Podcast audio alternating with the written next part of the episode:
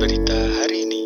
Sajian informasi dari berbagai peristiwa top terkini Tambahan informasi seputar olahraga, perkiraan cuaca, lalu lintas, dan komentar berbagai pihak yang disajikan dalam sebuah narasi Yang bisa Anda dengarkan di mana pun dan kapan pun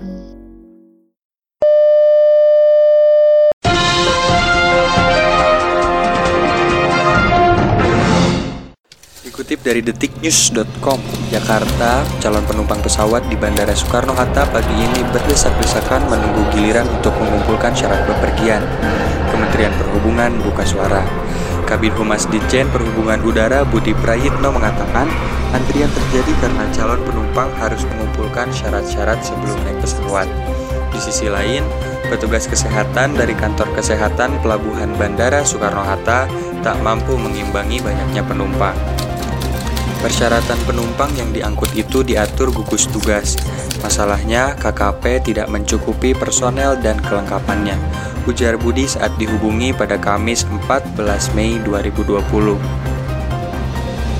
Budi menjelaskan sejumlah persyaratan yang diharuskan seperti surat kesehatan bebas COVID-19, surat tugas dari kantor atau instansi yang bersangkutan dan surat keterangan dari pemerintah daerah setempat.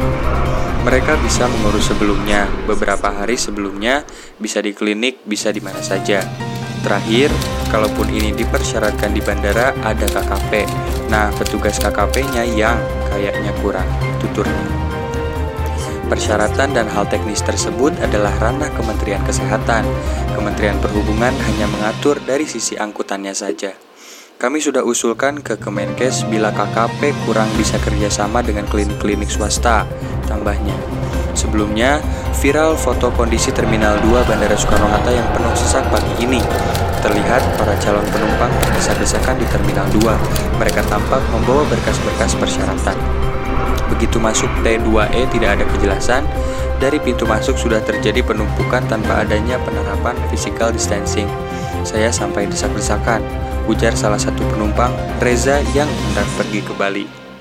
Seperti diketahui, penerbangan niaga berjadwal rute domestik kembali diperbolehkan beroperasi mengangkut penumpang sejak 7 Mei 2020 guna mengatasi COVID-19 di Indonesia.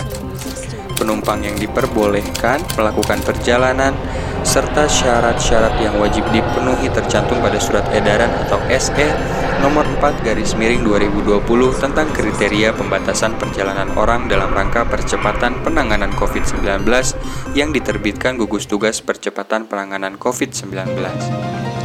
Semoga untuk yang ingin bepergian dengan menggunakan pesawat terbang tetap berhati-hati dan menerapkan physical distancing.